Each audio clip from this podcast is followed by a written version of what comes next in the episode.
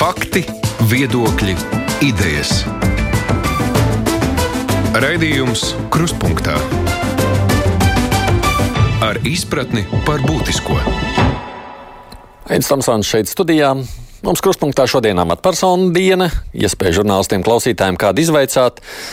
Droši vien jau negaidīti, bet tādas būtiskas politiskas lēmumus tagad vairāk nekā pusgada garumā jāpieņem cilvēkiem, kas nav politiķi. Pirms pāris mēnešiem Nu, droši vien varētu sacīt, vairāk iemeslu dēļ tika atlaista Rīgas doma, bija jāizsludina jaunas vēlēšanas. Tajā brīdī jau arī nebija zināms, ka pandēmija tā visu aizskavēs, un vēlēšanas Rīgā labākajā gadījumā ir iespējams tagad vasaras beigās. Daudz mēnešu galvaspilsētu nu, pārvalda ministrijas iecelta pagaidu administrācija, un tā ir jāpieņem arī būtiski lēmumi. Kādi tie ir, pēc kādiem principiem tad administrācija vadās? Kruspunktā šodien saruna ar pagaidu administrācijas vadītāju Edvīnu Balševicu. Labdien! Labdien! Šī mums ir tā reize, kad žurnālisti un klausītāji var izvaicāt mūsu raidījuma viesi. Bez manis gatavi jautāt arī Gunita Gailāne no Delfiem. Sveika, Gunitam! Sveiki! Un arī ziņa aģentūras Leta žurnāliste Katrīne Karzubova. Sveiki! Labdien! Klausītāji ierast var sūtīt jautājumus vai nu mums uz mājaslapu vai uz adresi krustpunktā Latvijas radio LV. Mūsu tālruņa numuru šeit studijā 6722, 888 un 672, 559, kā vienmēr brīdinu. Var nākties kādu laiku gan gaidīt pie klausulas, un tas attiecas uz radio, nevis uz televīzijas skatītājiem, kas vēlāk to redz tikai ierakstā. Mēs tikko redzējām ziņās, patiesībā dzirdējām ziņās, ka tā, tā arotbiedrība nav piekritusi Vircau kunga atlaišanai, nu būs tiesas darbi. Jūs varētu tā saprotami mūsu skatītājiem un klausītājiem paskaidrot, nu, kas tad tur īsti ir, kāpēc uh, viņš ir noteikti jāatlaiž? Nu, Tātad uh, jau pirms pagaidu administrācijas uh, tika izveidota speciāla komisija, kur izvērtēja Vircēla kunga attiecīgos pārkāpumus, ko, ko viņš iepriekšējā savā darba vietā ir, ir, ir pārkāpis. Um, komisija izvērtēja visu pieejamo informāciju, kāda tā bija, un pieņēma lēmumu tādu, ka virsrakums atbilstoši saviem pārkāpumiem ir jāatbrīvo. Par kādiem pārkāpumiem ir runa? Uh, Pārkāpumi ir saistīti ar, ar dienas transporta izmantošanu, ar cilvēku resursu izmantošanu un tam līdzīgām lietām. Bet, kā jau es minēju iepriekš, tas ir noticis iepriekšējās, arī iepriekšējās domas laikā. Mēs zināmā veidā šo saņēmām kā mantojumu attiecīgi no iepriekšējās pašvaldības vadības. Nu, tā iepriekšējā pareizes, ko tā šobrīd Virsakungs saka, nu, lūk, jūs turpināt īstenot iesākto viņa vajāšanu. Pirmkārt, mums nav nekādas motivācijas iesākt neviena iesāktos vajāšanas un tam līdzīgas lietas. Bija speciāli izveidota komisija, kur izvērtēja visus faktus, un attiecīgi tāds bija komisijas lēmums. Bet tas komisijas lēmums bija sen jau, ja jūs jau kādu laiku pārņēmāt, nu, tas tā kā likās, viss kādu brīdi bija mierīgi. Komisijā strādāja pietiekami ilgu laiku, jo fakti bija pietiekami daudz, kuri bija jāpārbauda un jāapstrādā, un līdz ar to šāds bija komisijas lēmums. Bet jūs tā kā vienkārši to komisija teica, tā jūs rīkojaties, un tas pārējais tā kā mazāk svarīgs. Protams, ka mēs iepazināmies ar, visiem, ar visu informāciju, un kopēji pagaidu administrācija šādu lēma. Un, kolēģi, jūs varat noteikti iesaistīties palīdzēt izjautāt. es, gribēju, jā, es gribēju jautāt par to, kas ir ietilpst šajā speciāli izveidotajā komisijā. Tie bija kaut kādi Rīgas domas darbinieki vai arī eksperti no ārpuses, un tie bija kaut kādi eksperti no ārpuses, kas tieši? Kā jau minēju, iepriekš komisija arī bija izveidota jau iepriekšējā sasaukuma laikā. Tie bija Rīgas domas darbinieki. Jā. Uh -huh. Un šie pārkāpumi noteikti notikuši kādā laika periodā? Es nemācīšu ļoti lielā detalizācijā to izstāstīt, jo es pats neesmu piedalījies tajā komisijas darbā un visā izvērtēšanā, bet, es, kā jau minēju, iepriekšējās domas sasaukuma laikā tas ir bijis. Nu, kas nozīmē, tāpēc ir tās bažas par politisko vajāšanu viņam? Nu, vai zināms, starp Burokungu un Virsavu nebija tās labākās attiecības. Pilnīgi kategoriski var noliekt, ka tur ir bijis jebkāda veida politiskā vai kāda cita vajāšana. Kāpēc Šeit jūs tā varat noliekt? Nu, kā, uz kādu pamatu? Tāpēc, kad mēs izvērtējām esošo lēmumu, kāds tas tika piedāvāts no komisijas, un, un mēs vienbalsīgi visi pagaidu administrācijas locekļi šādi lēmām. Tikai tāpēc, ka viņš ir braucis ar automašīnu ne tur, kur vajag. Eh, tur ir daudz vairāk detalizācijas, eh, par ko es varbūt šodien ļoti detalizēti jums eh, neizklāstīšu. Kāpēc? Tāpēc, ka zināmā mērā tā ir arī ierobežotas pieejamības informācija. Un, un, un šeit ir vairāk fakti, kas ir iespējams arī pēc tam tiesā izmantojami. Um, jautājums ir šajā komisijas atzinumā, vai tur ir norādīti arī kādi fakti par iespējamiem pārkāpumiem, kurus vajadzētu izskatīt arī kādai tiesības sargājušai iestādei?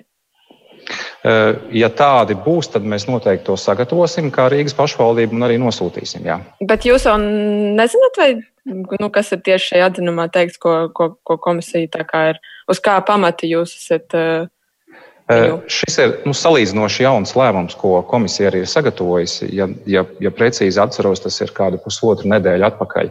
Un līdz ar to tad, attiecīgi arī juridiskā pārvalde izvērtēs šos jautājumus, ja tas būs nepieciešams, tad arī nosūtīs. Nu, labi. Kolēģi Katrīna. Jā, es gribēju pajautāt, eh, vai eh, pagaidu vadītājs būvvaldei paliks nemainīgs un tas līdz pat tiesas lēmumam būs Belkovska kungs?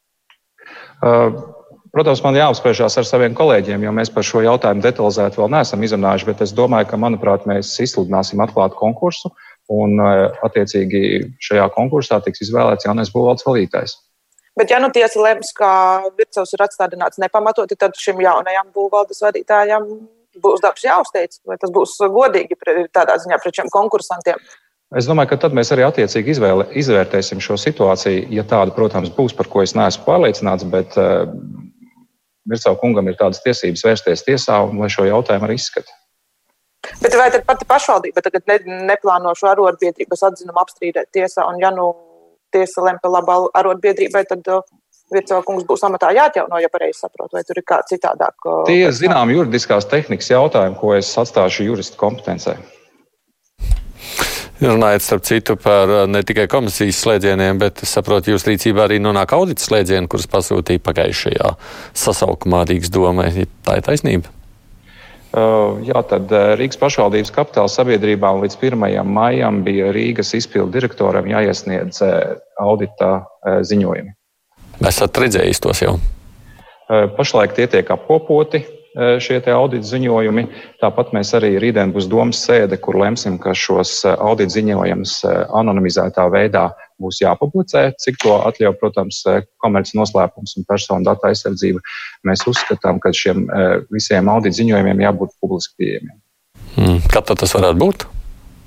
Rītdien ir domas sēde, kur mēs par to lēmsim, ka tas ir nepieciešams. Un, ja es precīzi atceros, tad 15. maijā ir šis gala termiņš, kad kapitāla sabiedrībām pašām ir jāpublicē šie audita ziņojumi. Protams, kā jau minēju, anonimizētā veidā, ievērojot fizisko personu datu aizsardzību un komerces likuma normas. Tāpat arī iespējams ir jāvienojas arī audita veicējiem par kādām detaļām, kas šajā ziņojumā ir. Bet jūs pats esat redzējis jau kaut ko no tā? Pamazām mēs sākam iepazīties, kā jūs saprotat, lai es jums eh, nu, tā, vizualizētu vienu piemēru. Piemēram, Rīgas eh, nama pārvaldnieka eh, audita ziņojums ir uz vairāk kā 500 lapām. Nu, ka, bet nu, grasāties iepazīties, ja es saprotu. Protams. Protams, un es domāju, ka mēs arī publiski nāksim klajā kā pagaidu administrācija un domas izpildu institūcija par šiem ziņojumiem, kādas mēs tos galvenās lietas saskatām, kādi šie pārkāpumi ir. Katrīna kaut ko gribēja jautāt. Jā, es gribēju tieši par šiem gala ziņojumiem. Sākotnēji auditoriem tika dots uzdevums izstrādāt tādus kopsavilkumus, kas būtu pieejami bez bažām plašākai sabiedrībai. Vai tagad līdz ar piekdienu pieņemto lēmumu tas paliek spēkā un sabiedrībai būs pieejami gan lieli auditi, gan šie kopsavilkumi, jo nu, tie nereti tomēr palīdzētu ātrāk orientēties šajā ziņojumā, kuri, kā jūs pats minējat, varbūt arī 500 lapuses gari. Ka, jā, katra audita ziņojumā arī ir vadības kopsavilkums, attiecīgi arī tas tiks publicēts un arī pats audita ziņojums kā tāds. Varbūt kāda kapitāla sabiedrība jau ir kategoriski pateikusi, ka negrib uh, šos uh, datus publicēt un ka viņi neredz uh, veidu, kā šo ziņojumus pasniegt tā, lai kaut kādu konfidenciālu informāciju neizsniegtu. Manā rīcībā nav šādas informācijas, un es domāju, ka visas kapitāla sabiedrības publicēs savus audio ziņojumus. Mm -hmm, labi, Gunītā ir kāds jautājums? Vai audita ziņojums arī būs par Rīgas satiksmes nu, kapitāla sabiedrību? Jo viņiem jau nesen bija tā kā, un šo auditu ziņojumu iepriekšējo īsti neviens tā arī nebija redzējis, jo viņš tāds mītisks bija. Jā, tas... gadī... jā. Tas būs arī atsevišķi par Rīgas satiksmi. Tas ir ārpus šiem visiem auditiem, ko jūs iepriekš man jautājām, bet arī par Rīgas satiksmi mēs attiecīgi kā pagaidu administrācija saredzam, ka šis audita ziņojums ir jāpublicē. Mm. Tas nozīmē, ka mēs viņu kaut kādā tuvākā mēneša laikā visu varēsim redzēt. Labi. Jā.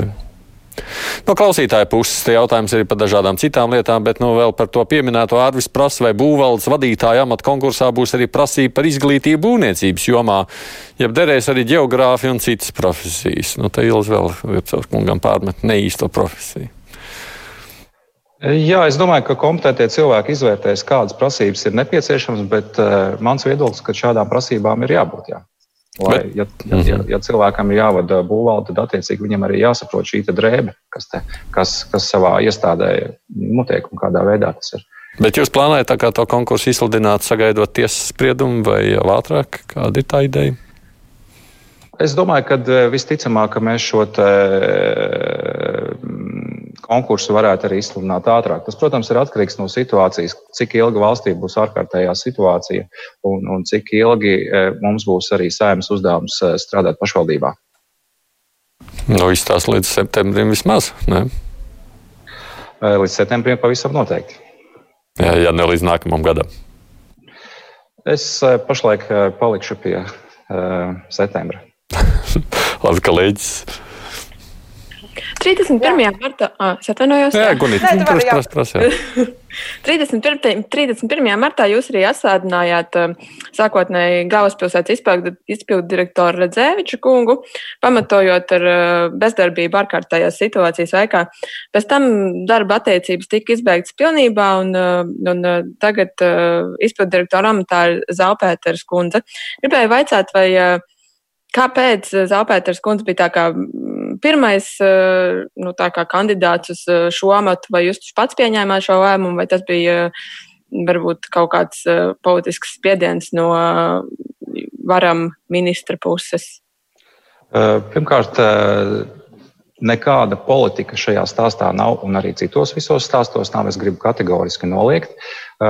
Valstī ir ārkārtējā situācija, un es gribu teikt arī visā pasaulē, Eiropā ir ārkārtējā situācija, un pašvaldībai ir nepieciešams uh, nepārtraukts darbs sevišķi šajā krīzes laikā. Rīgas pilsēta ir lielākā pašvaldība, un līdz ar to, lai operatīvi reaģētu uz šiem jautājumiem, lai būtu pienākumu izpildītājs, izpilddirektors, kas ir viena no svarīgākajām personām pašvaldībā, man vajadzēja attiecīgi arī ātri rīkoties. Pazīstama tāpēc? Zāpētēns kundzi es esmu strādājusi jau ilgstoši kopā un, un pietiekami sen, kopš Tieslietu ministrijas laikiem, gan kopš bērnu un ģimenes lietu laikiem, gan, no, gan no arī no privatizācijas aģentūras. Es zinu, ka ļoti labu profesionālu tieši kapitāla sabiedrību pārvaldības un korporatīvās pārvaldības jomā. Jā, jā, kolēģis. Vēl kaut ko prasīsiet papildus, ne? Skatos no klausītāja puses, savukārt pat ir arī tāds zinkārs jautājums. Jānis prasa, varbūt muļķīgs, bet jūs paši esat rīznieki un deklarēti arī Rīgā? Jā, esmu rīznieks un arī deklarēts Rīgā. Un arī pārējie divi ar, ar, administrācijas locekļi? Es neesmu jautājis katram šādus personīgus jautājumus, bet uh, es pieņemu, ka jā. Mm, tas nešķiet tik svarīgs. Jā. Uh, Iespējams, bet uh, es noteikti pajautāšu. Labi, kolēģis Katrīna. Jā, es gribēju parunāt nedaudz eh, par uzņēmēju darbību. Lai palīdzētu bāru, restorānu un kafejnīcu īpašniekiem, pavisam nesen eh, Viļņas pilsētas vadītāji paziņoja, ka šovasar visu vasaru šie uzņēmēji bez maksas varēs iekārtot vasaras kafejnīcas Viļņas laukumos un ielās. Vai arī Rīga plāno ko tādu ieviest, un ja nē, tad kā pašvaldība plāno nākt pretim šiem sezonālajiem uzņēmējiem? Jā, Rīgas pašvaldībā uzņēmējiem, protams, arī privātpersonām nāk virknē jautājumu ar, savām, ar, savu, ar savu ar savu līdzdalību, kā mēs varam šajā krīzes situācijā palīdzēt. Un arī Rīgas pašvaldībai, Rīgas pašvaldībā rītdien kā, kā reiz mums ir sagatavots lēmumu projekts par šo te um, kafejnīcu nodokļa atbrīvojumu. Bet šāds lēmuma projekts jau ir darba kārtībā iekļauts, vai tas būs kā papildus? Pašlaik paralēli šodien, kamēr mēs runājam, kolēģi ļoti intensīvi strādā, lai mēs rītā arī kā papildus jautājumu to varētu iekļaut un izskatīt. Tā kā... šie nodokļu atvieglojumi tad ietvers ko pilnību, pilnīgu atbrīvošanu no nomas maksas vai tikai kaut kādas atlaides balsoties uz kritērijiem? Pašlaik mēs par to vēl lemjam tieši detalizācijā attiecībā, kā tas izskatās no finanšu viedokļa, bet visticamāk, ka tā būs pilnīga atlaide. Mhm. Okay. Mm -hmm, paldies. Varbūt papildinot vēl kolēģis jautājumu. Gribēju painteresēties, piemēram, par ārā terašu ierīkošanas procesu. Saprotu, ka iepriekšējos gados vairāki restorāni vai kafejnīcas ir norādījuši, ka šis saskaņošanas process ir smagnējs un ļoti ilgstošs. Varbūt ir iespēja vai tiek izskatīta iespēja kādā veidā arī Mm, atvieglot šo procesu, vai kafejnīcas varētu izvietot ārā terases tādā veidā, gan piedāvājot savu pakalpojumu, gan arī nu, palielinot iespējas iet, nu, ievērot šo distanci. Jā, Pagaidu administrācija jau mēnesi atpakaļ uzdeva Rīgas pašvaldības atbildīgajiem departamentiem vienkāršot šo birokrātisko procedūru, un arī rītdien mēs izskatīsim šo, šo vienkāršoto procedūru. Vai Tieši, jūs varat Jau... Es nemācīšu jums nu, ļoti lielā detalizācijā. To mēs, kā jau teicu, pašlaik eh, notiek arī intensīvs darbs pie pēdējo jautājumu saskaņošanas, bet eh, procedūra vairs nebūs tik sarežģīta, kā tā bija iepriekš, pavisam noteikti. Ar visām īpašajām prasībām. Iespējams, ka varēs iznest vienkārši galdiņu, krēslu un sākt strādāt. Bet cikiet, vai tādā gadījumā tas atkal nebūs uh, nu, teiksim, kaut vai no ugunsdrošības uh, viedokļa raugoties, nedaudz bīstami, jo es zinu, ka citos gados bija uh, domstarpības tieši uzņēmējiem ar lūgtu uh, pārstāvjiem par to, ka ir jānodrošina pietiekama vieta ugunsdzēsības mašīnu piebraukšanai, ja tāda nepieciešamība būs, bet ja tagad uzņēmēji vienkārši nesīs ārā galdiņus un liks, kur kur pagadās. Jā. Visas šīs nianses ir uzdotas konkrētajiem ekspertiem izvērtēt, kā tas ir vienkāršojams, kā tas ir atrisināms, ja to var darīt citās pilsētās. Es, es pieļauju, ka arī Rīgas pašvaldība ir pietiekami gatava šīm lietām. Tāpat arī, protams, jāņem vērā visi epidemioloģiski ieteikumi, kas attiecās uz, uz epidemioloģisko aizsardzību. Un es domāju, ka tas būs iespējams. Es varu teikt, ka rītdien mēs domas sēdē šo arī izskatīsim. Par citu atbalstu savukārt viens klausītājs raksta, bet pašvaldības kapitāla sabiedrība Rīgas nami šobrīd krīzes situācijā atlaiž daudz darbinieku. Kur tad ir tāds atbalsts no pašvaldības? Uh, jānoskaidro noteikti precizēti, kuri darbinieki tiek atlaisti un kādā veidā. Uh, man pašlaik, manā rīcībā, kā pagaidu administrācijas uh, loceklim, nav šāda informācija, bet es pieņemu, ka ir uh, arī pašā Rīgas kapitāla sabiedrībā pietiekami daudz lietas, ko optimizēt un, un administratīvi labāk pārvaldīt. To arī noteikti parādīs šis audits ziņojums, kur mēs redzēsim visas tās konkrētās lietas, kas šajā kapitāla sabiedrībā pēc tam ir darīts un kādā veidā ir darīts, un, un, un kas noteikti būtu uzlabojams. Tas nozīmē, ka tur daudzās vietās vajadzētu sagaidīt būtiskas pārmaiņas. Es pat teiktu, vairāk nekā būtisks. Labi. Jā, Katrīna. Kaut ko tādu. Nu, ko tas īsti nozīmē vairāk nekā būtiskas? Uh, līdz šim um, uh, šī kapitāla sabiedrība, manuprāt, uh, ir pārvaldīta ļoti slikti. Ilgstošā laika periodā, bez kopēja redzējuma, bez stratēģijas, ko uz savas ādas ir izjūtis gandrīz nu, lielākā daļa Rīgas iedzīvotāju. Un, es domāju, jebkurš jautājums, kas šajā kapitāla sabiedrībā tiek risināts, to noteikti var darīt daudz, daudz labāk. Sakiet, vai jūs esat gatavi atstādināt arī kapitāla sabiedrību vadītājus, balstoties uz šiem auditiem? Pagaidu administrācijā šādas kompetences nav. To, tas ir Rīgas izpildu direktora kompetencē. Bet, ja viņi to tādu lemtu darīt, jūs atbalstītu? Es domāju, ka tur ir jāvērtē katra konkrētā situācija, bet, kā jau minēju iepriekš, pašlaik arī kapitāla daļu, kapitāla sabiedrību pārvaldībā mēs veicam būtiskas reformas. Mēs esam izveidojuši atsevišķu konsultīvo padomi, kas kopēji Rīgā dos tādus konsultīvus padomus un uzraudzību pār šo kapitāla sabiedrību pārvaldību. Šo konsultīvo padomu mums vada Grafa kungs, kurš ir pietiekami respektabls mūsu valstī tieši kapitāla daļas pārvaldības jautājumos, un, un šī komisija ir pietiekami arī kompetents, lai mums lai mums maksimāli palīdzētu šos jautājumus sakārtot. Arktūrs prasa, kāpēc jūsu laikā tikko Rīgas satiksmi ieķīlējuši seši trolēbus? vai tas nav nepieņemams pārvaldības princips, kas tad tur vēl nav ieķīlāts, kam te beigās par to visu būs jāmaksā? To noteikti ir, lai precīzi zinātu, tas tā ir kapitāla daļu vadītāji un arī pašas kapitāla daļu sabiedrības jautājumi izvērtēt, kā viņam organizēt šo biznesu. Bet jau šī ziņa neieinteresēja, kas parādījās šodien. Es vēl neesmu paspējis iepazīties ar konkrētu šo ziņu, bet iespējams, ka uzņēmējdarbībai, kā Rīgas satiksmē, šāda, šāda vajadzība ir un attiecīgi viņi rīkojas savus kompetences ietvaros. Tur tas bažas ir tas, vai mums, ne, mums nedraud kādā brīdī. Nu, ne bankrots, nu, ne maksāt nespēja. Nu, kaut kas tāds, spriežot pēc tām ziņām, kādas parādās šeit publiskajā telpā. Rīgas satiksmes jaunā valde arī pietiekami int intensīvi un profesionāli pašlaik strādā, lai sakārtot Rīgas satiksmes visus eh, pārvaldības jautājumus. Un es domāju, ka eh, mēs drīz jau dzirdēsim arī tādus pozitīvus uzlabojumus šajā jautājumā. Rīgas satiksmē saprot, ka eh, šī gada budžetā ir paredzēta 130 miljoni eiro dotācija no Rīgas pašvaldības, bet es pieņemu, ka tur nav izsēgts, kad arī ņemot vērā mm, Covid pandēmiju un nu, kad šī summa varētu pieaugt? Vai, uh, Jā, nu, pašai, jā, pašai šajā ārkārtējā situācijā Rīgas transports, um, tā vienkārši sakot, brauk, brauc par maksimumu. Respektīvi, viss transports ir uh, apritē.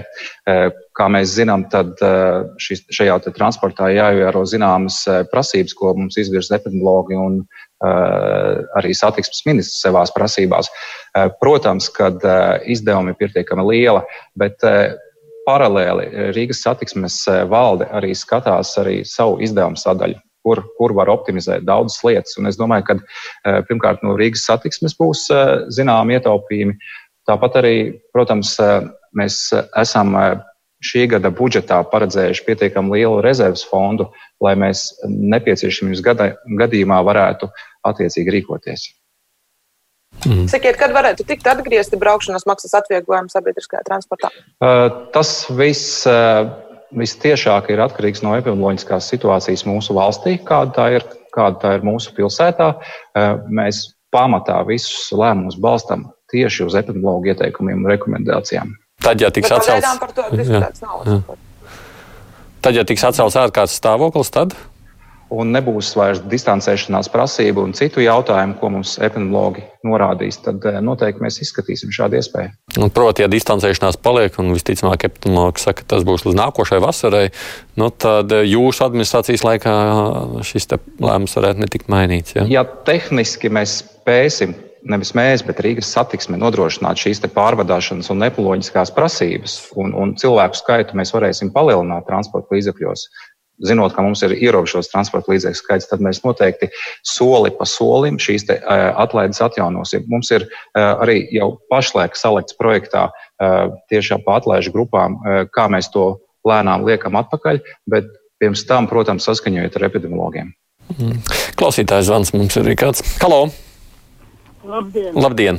Man jums ir jautājums, cienītais kungs, ko domājat par parādu pieteikšanu no tiem it kā pusīpašniekiem, kuri nemaksā no, no komunālos pakalpojumus, tātad privatdzējuši viņi to dzīvokli ir, bet neieraksta zemes grāmatā.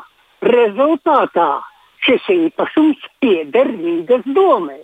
Ja iet runa par to, ka varētu piedzīt parādu, aprakstot šo nekustamo īpašumu, ja nav dārga kā kustamā īpašuma, Tad ko tad aprakstīt paši savu kapitālu domu vai ne? Kādā veidā domājat piedzīt parādus, piemēram, mūsu mājās 62 tūkstoši parādu? Nu, tāds specifisks, bet aktuāls jautājums. Laikam. Jā, es domāju, ka tiesiskā veidā jāizvērtē tā konkrētā situācija, un tur noteikti var atrast kādu risinājumu, kā to, kā to izdarīt. Ja, ja kungs mums arī varētu atsūtīt eh, varbūt detalizētāku informāciju, tad mēs noteikti arī reaģētu uz to. Nu, jā, lai gan droši vien tādi nepri, nu, jā, pusprivatizētie dzīvokļi iespējams nav tik daudz, bet parādu problēma kā tāda neapšaubām Rīgā ir aktuāla. Protams. Es atgādināšu, mums ir šeit iespēja iztaujāt Rīgas domas pagaidu administrācijas vadītāja Edvīna Balševica nu, un divi mani kolēģi, arī kolēģis, kas ir uh, iesaistījušies šī raidījuma veidošanā, Gunita Gailāna no Delfiem, Katrīna Karzubova no ziņu aģentūras Leta. Raidījums Krustpunktā. Gunita, tev kāds jautājums?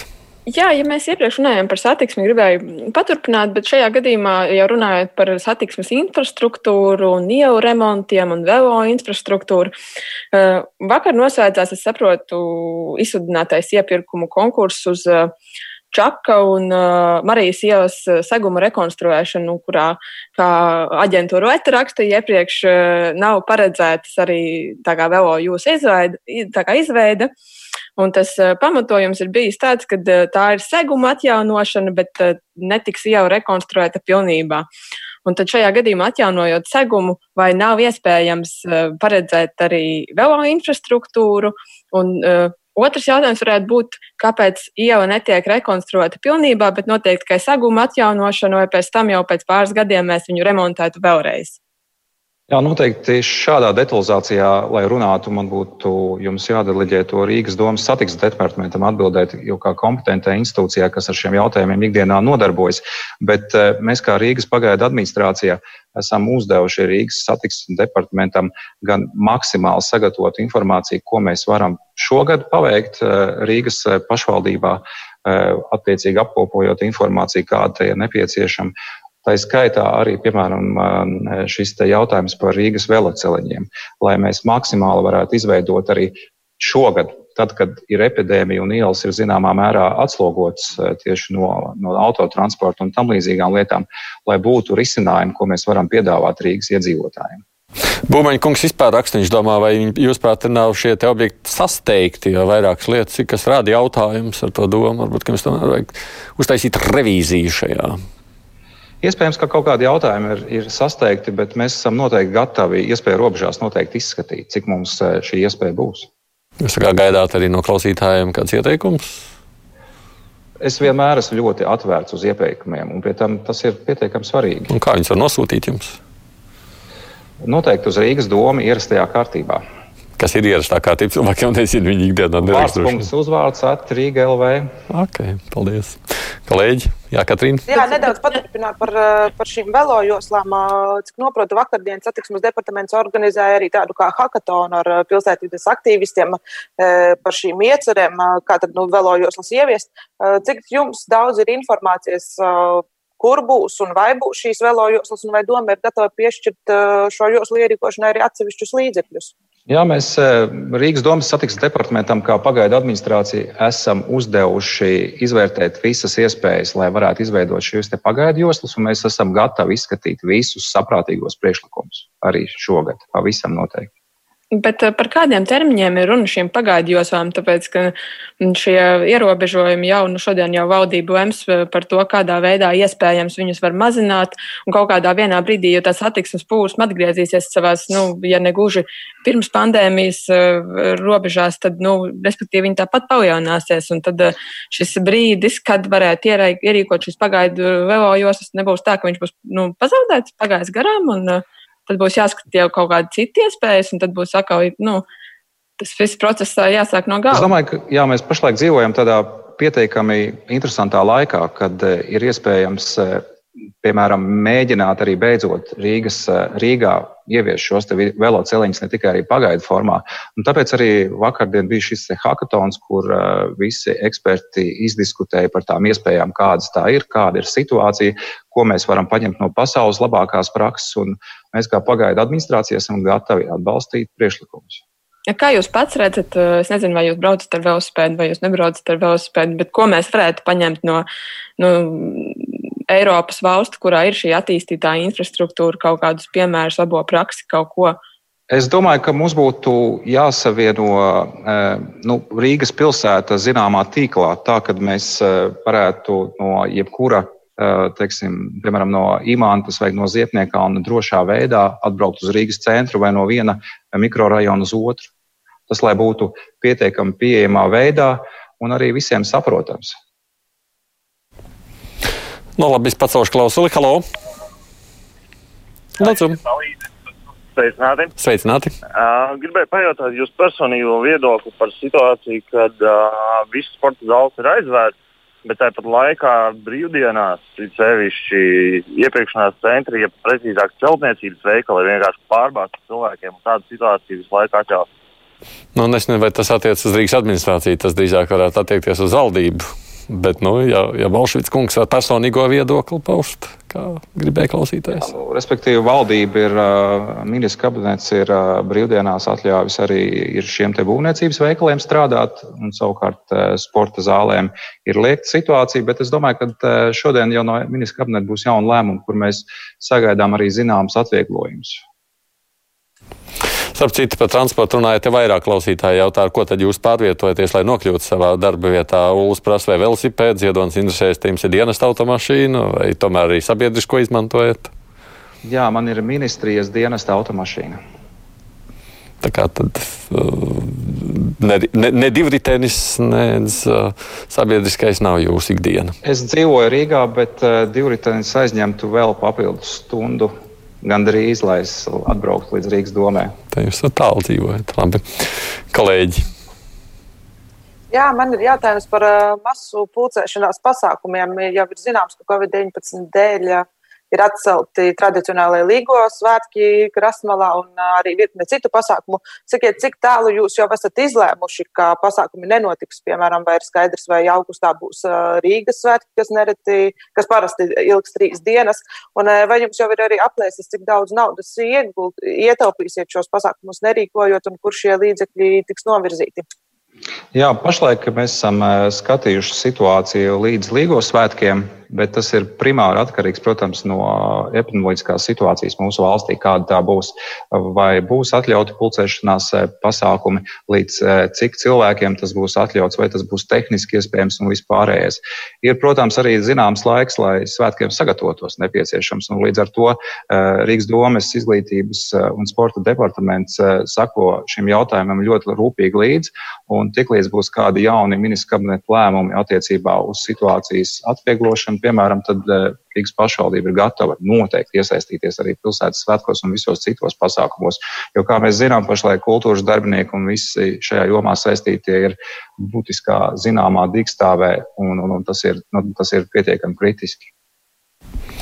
Klausītāji jau prasa, vai jūs esat gatavs arī šajā laikā, kas jums atvēlēts, mēģināt iesaistīties centra rajona bērndārs kapacitātes celšanā. Nu, mēs tikko dzirdējām par Aksielas bērndārs, bet nu, ir par maz to bērndārs centrā, un šī ir mūžīgā problēma Rīgā.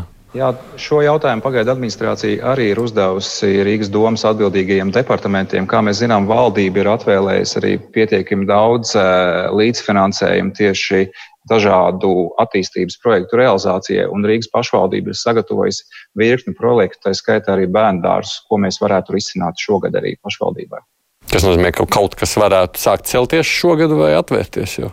Kā tā ideja kaut ko pielāgot nākošā? Gan šogad atverās, e, ja es precīzi atceros, e, Rīgas pilsētā aptuveni papildus 500 e, bērnu dārza bērnu vietas Jo, manuprāt, pat šodien ir pirmā diena, kad jau var pieteikties uz, uz trījiem bērnu dārziem, kur ir vairāk kopā ir vairāk par 200 eh, bērnu vietām iespējams. Mm, būs vēl, jā. jā. Okay, labi, Gunita, tev ir kas jautājums? Es saprotu, ka finanšu, domas finanšu departaments bija modelējis, ka mm, nu, tas sliktākais scenārijs eh, Covid krīzes dēļ varētu būt tas, ka eh, šie domas plānotie ieņēmumi sama, samazinās par 50 miljoniem eiro. Un tad eh, jautājums ir tāds, vai, vai tas nozīmē, ka kaut kas būs jāgriež, respektīvi kaut kāds finansējums kaut kādām eh, šiem, eh, šīm lietām, kas ir paredzēts, un kas ir potenciāli pirmais, ko varētu griezt, ja viņi kaut kas ir jāgriež.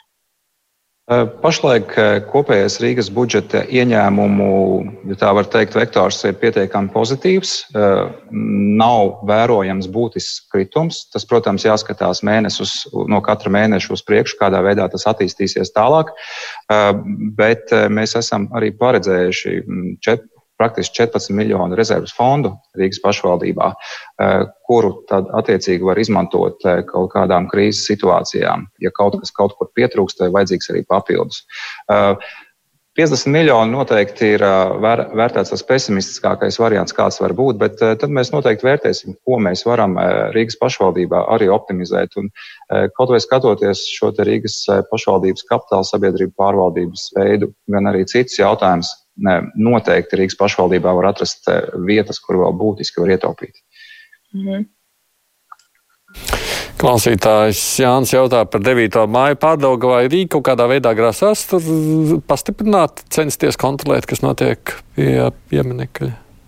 Jā, Rīgas eh, pašvaldības eh, policija un valsts policija un vispār atbildīgie dienesti gatavojās šim pasākumam par iespējamiem riskiem, kādi tie ir. Es domāju, ka eh, nekādu problēmu nevajadzētu būt. Labi. Katrīnai, jā, jautājums kāds? Nē? Jā. Uh, iepriekšējā sasaukumā politiķi, opozīcijas politiķi gan pārsvarā pie katras iespējas uh, sūkstījās par virkni nelikumībām, pārkāpumiem un citiem trūkumiem pilsētas darbā. Uh, kas ir tie lielākie trūkumi un pārkāpumi, kurus šajos mēnešos pildot būtībā mēra pienākumus, esat saskatījis arī jūs pats? Pirmā bija, protams, ārkārtējā situācija ar atkritumiem, kam kas, kas šis jautājums ir noslēdzies, kā reizē nākamnedēļ, manuprāt, ir arī gala termiņš līguma noslēgšanai iedzīvotājiem un uzņēmumiem. Šis jautājums, manuprāt, ir sakārtots un no dienas kārtības ir ārpus. Tāpat, protams, arī kapitāla sabiedrības un kapitāla sabiedrību pārvaldības veids, kāds tas ir bijis līdz šim, ir, manuprāt, nepieņemams. Ja mēs skatāmies par Rīgas, to pašu Rīgas satiksmi un saistītajām uzņēmumiem, kā piemēram Rīgas karte, kas nodrošina šīs etalonus, sistēmas un visu pārējo, tad, eh, piemēram, šīs sistēmas uzturēšana Rīgas iedzīvotājiem mēnesi izmaksā vairāk kā miljonus eiro. Es domāju, ka tas ir uh, uh, ilgstoši gatavots un, un veidots pasākums, lai zināmā veidā uh, mēs tērētu Rīgas iedzīvotāju naudu ļoti neliederīgi. Manuprāt, Tur diezgan maz komentāru ir nepieciešama, lai saprastu, ka pusotru miljonu mēnesī maksāt eh, šo sistēmu apkalpošanai ir nesamērīgi dārgi. Jūs tā kā paredzat, ka mēs šogad atvadīsimies no etalona? Uh, noteikti, kad eh, tehnoloģiski tas paliks tāds, kāds ir. Rīgas satiksme pašlaik meklē iespējamos risinājumus, kā mēs varam strādāt savādāk un būtiski arī efektīvāk. No, Mēs runājam teiksim, kopumā par uh, pašvaldības struktūrām. Vai jūs redzat, ka ir nodaļas pārvaldes vai varbūt veseli nu, departamenti gluži nē, bet uh, varbūt tādas lielākas institūcijas, kas uh, būtībā ir bezjēdzīgas, kurām uh, nu, nav īsti darba pašvaldībām, kas ir lieki administratīvie izdevumi? Mūsu nu, pašreizējā situācijā, kad valstī ir ārkārtējā situācija, un, un primāri mēs uh, sākot strādāt, protams, eh, nāca šī Covid-19 krīze. Mēs ļoti investējām savu laiku, lai mēs nodrošinātu pašvaldības eh, funkcionēšanu šajā krīzes situācijā. Eh, iespēja robežās mēs arī skatīsimies šo Rīgas domas struktūru vienību pārvaldību un kādā veidā mēs to varam optimizēt un, un, un efektivizēt. Noteikti. Tas, ko noteikti mēs darīsim, mēs ieviesiesim, piemēram, personāla vadības pārvaldības politiku pašvaldībā, kādā veidā tiek rīkoti konkursi pašvaldībā, uz kāda pamata tiek rīkot, kā tiek veidotas komisijas, kā tiek atlasīti jebkurš domas darbinieks, lai, lai nebūtu tādas iespējas eh, pēc tam jau tālāk eh, jau ievēlētiem Nelietām domē kaut ko mainīt vai atstāt tā, kā tas ir. Mēs ieviesiesim labākās prakses principus, visu to, ko mēs zinām un ko mēs varam, un, protams, ko mēs arī paspēsim. Cik ir, kā jums šķiet, kāds ir iemesls eh, tam šai situācijai? Tas tāpēc, ka nebija politiskās gribas kaut kā likt šīm struktūrām strādāt kārtīgāk un apzinīgāk. Un, un šie darbinieki vienkārši, kā saka, bija pašplūsmā palaisti, un viņi varēja darīt, ko viņi grib, vai tur ir kāds cits iemesls, vai vienkārši nav spējusi arī, laikam, droši vien tāpat politiskā vadība sāorganizēt to darbu domē. Es domāju, tas ir jau, jūs precīzi uzdevāt jautājumu, tas arī jājautā šiem te iepriekšējā sasaukumiem par, par tiem mērķiem, kādi katram ir bijuši. Prasa klausīt. Es gribēju pajautāt, jā, jā saka, saka Sagunīt, tā, Rīgas domē ir birokrātijas apkarošanas centrs, respektīvi es saprotu, ka viņi tā kā uzdevums ir izskatīt sūdzības iesniegums un uh, dažādas, uh, nu, saņemto informāciju par uh, amatpersonu iespējamiem interešu konfliktiem vai kaut kādām koruptīvā rakstura pārkāpumiem. Es gribēju painteresēties, um, kāda ir šī centra darbības rezultāti, par piemēram, par kuriem jūs esat informēts un par kuriem jūs varētu pastāstīt sabiedrībai.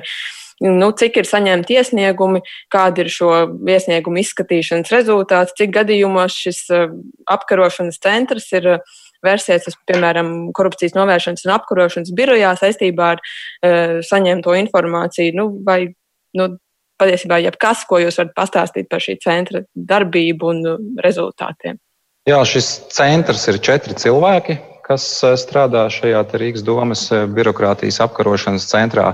Um, tad birokrātijas apkarošanas centrs pēc manas rīcībā esošās informācijas ir meklēt tās iespējas, kur Rīgas domē var eh, uzlabot kādus administratīvos procesus, kādā veidā vienkāršot, tāpat arī mm, sekot līdzi korupcijas riskiem. Un trešais, trešais jautājums ir trauksmes cēlāju šī visa institūta darbība. Pašlaik um, Es esmu jau, es zinu, ka mēs saņemsim informāciju no šī birokrātijas apkarošanas centra par kādiem ziņojumiem, ko viņi ir secinājuši, bet es jums tādā ļoti lielā detalizācijā vēl to nevarēšu izstāstīt, jo e, šī ir salīdzinoši maza struktūra vienība, ko es nu, no labas pārvaldības principiem kopumā vispār redzu kā audita funkciju kopumā.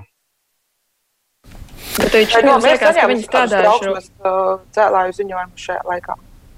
Es, ne, es precīzi es neesmu līdz šim pajautājis tādu informāciju, bet noteikti ir bijuši trauksmes cēlāju iesniegumi. Ko, ko viņi ar viņiem ir darījuši?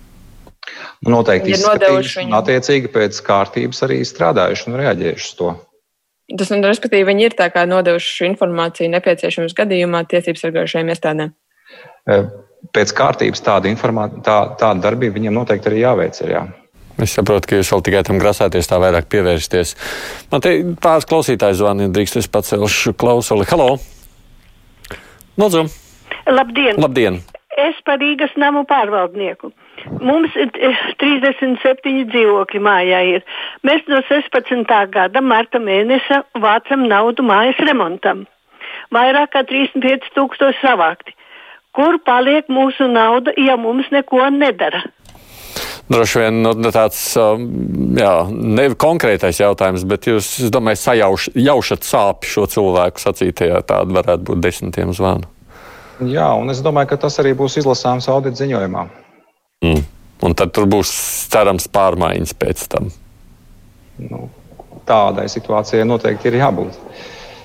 Mm -hmm. Jā, lūdzu. Halo. Halo. Halo. Jā, lūdzu. Var runāt? Jā, jā, droši. Saki, sakiet, lūdzu, man būtu tāds jautājums. Kamēr mums nebija tā uh, nama pārvaldnieks, jā, piedodiet, man varbūt bišķi rupi būs, Ušakov banda. Nebija nama pārvaldnieks, bija pa rajoniem vai ne, dzīvokļi. Bija normāli. Tagad, kā tā sākās, man ir pusotru istabu dzīvoklis, vai ne? Un tagad vasarā ar 60 eiro mazāk nevienu mēnesi nav bijis. Ne, nu, tas, nu, īres līgums. Es esmu invalīds, pensionārs, otrā grupas. Tagad saprotiet, ko es vēl gribu paprasīt. Sakiet, lūdzu, vai šitas te, vai tā Leiškalna kungs grib dabūt to 6 miljonus atpakaļ no, no, no tā PNB bankas, ko viņš tur pazaudēja uz mūsu e, nu, iedzīvotāju rēķinu. Nu, te būs divi jautājumi. Tas pirmais, vispār jūs paredzat kādu reorganizāciju, kas būtu veicama Rīgas nama pārvaldniekā pēc viss, kad mēs kaut ko uzzināsim? Nu, Rīgas pārvaldniekā ir jāveic būtiskas izmaiņas visā pārvaldības eh, kopumā procesā, kā uzņēmumā. Es domāju, ka tur ir viennozīmīgi jāskatās. Un es arī eh, cilvēcīgi saprotu šo kundzi, no kurienes arī šīs problēmas ir radušās. Ja? Tas ir no, no neprofesionālas uzņēmuma pārvaldības un no neprofesionālas uzņēmuma rīcības. Bet par to naudas atgūšanu ir cerības? Eh, pēc manā rīcībā esošās informācijas šeit varētu būt būtiskas problēmas. Tā jau varētu būt. Kolēģi, ir kāds jautājums vēl? Vai turpina lasīt, skatoties uz klausītājiem?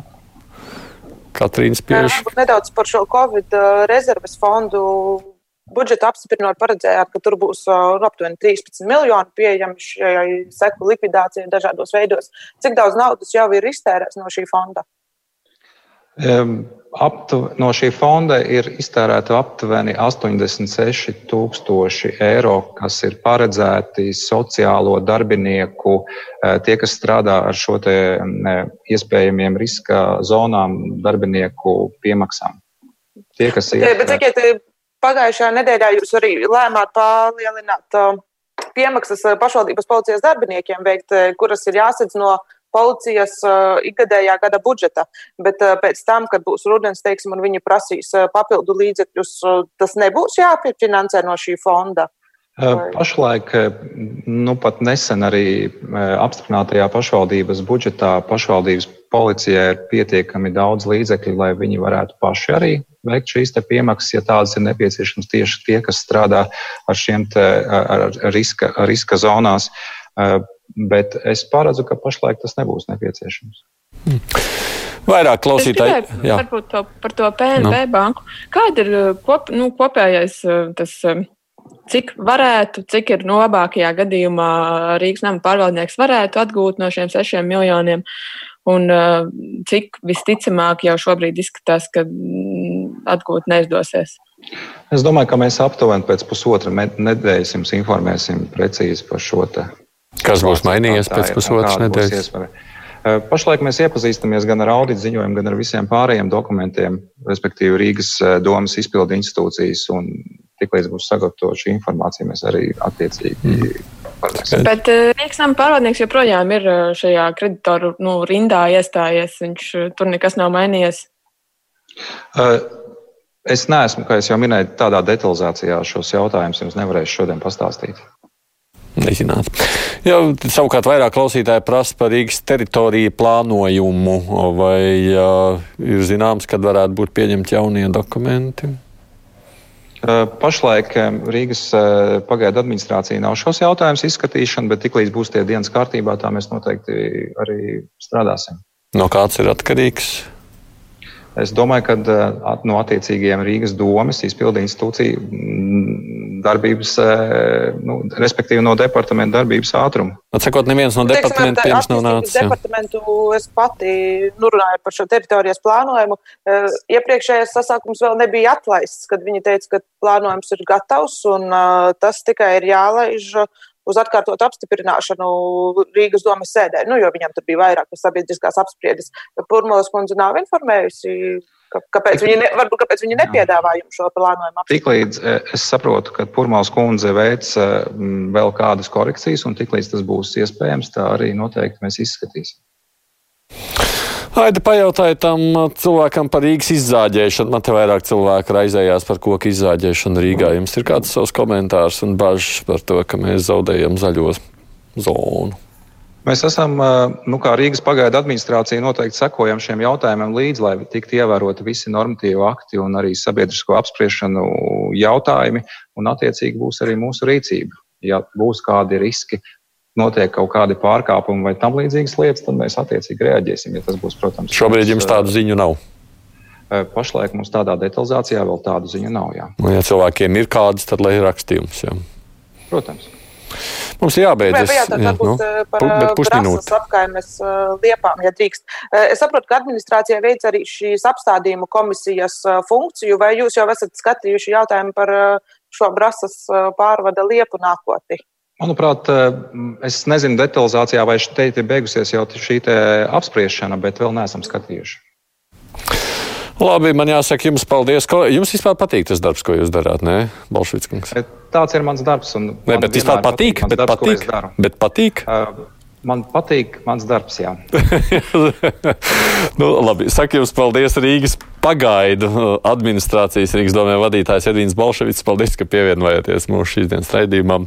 Manām kolēģiem arī to pašu saku. Gunītai Gailānei no portāla Delfi un arī no ziņa aģentūras Leta Katrīna Karzūba. Paldies jums! Tā pavisam īsi par īdienu, nu, kā jau parasti piekdienās kruspunktā mums žurnālisti komentē nedēļas aktualitātes. Mēs gaidām šīs dienas valdības lēmumu. Man te vairāk klausītāji jautā, kā tad būs, vai mēs ko zinām par ārkārtas situācijas pagarināšanu. Valdība vēl lemj un lems, un mēs šovakar noteikti uzzināsim. Tad rīt par to spriedīsim. Bijuši arī citi interesanti notikumi šīs nedēļas laikā. Pazudušais drons, kur nevarēja noķert, un vēl daži citi temati ir, par ko mums rīt runāt. Mēs ar radio raidījumā savukārt tiekamies divās puslodēs pēc pulkstens pulksten trījiem, kad runāsim par pasaules aktualitātēm. Viens no tematiem ir par to, kā Amerikas Savienotās valsts vēlreiz uzsākusi Ķīnu, cīņu ar Ķīnu, lai šoreiz pierādītu, ka Ķīna ir vainīga pie pandēmijas pasaulē. Kāda veidojas tā daudzo valstu attiecības ar Ķīnu un ko tas viss nozīmē? Un šogad arī jubileja, kā zināms, aprit 75 gadi kopš otrā pasaules kara beigām. Runāsim arī par kara konsekvencēm un to, kāda ir šī brīža politika, kā tas viss ietekmē. Tātad atgādina, tas ir radio pēc pusdien trijiem raidījums. Producente raidījumā Mevi Junām kruspunktā studijā Aidis Tomsons. Fakti, viedokļi, idejas. Raidījums Krustpunktā ar izpratni par būtisko.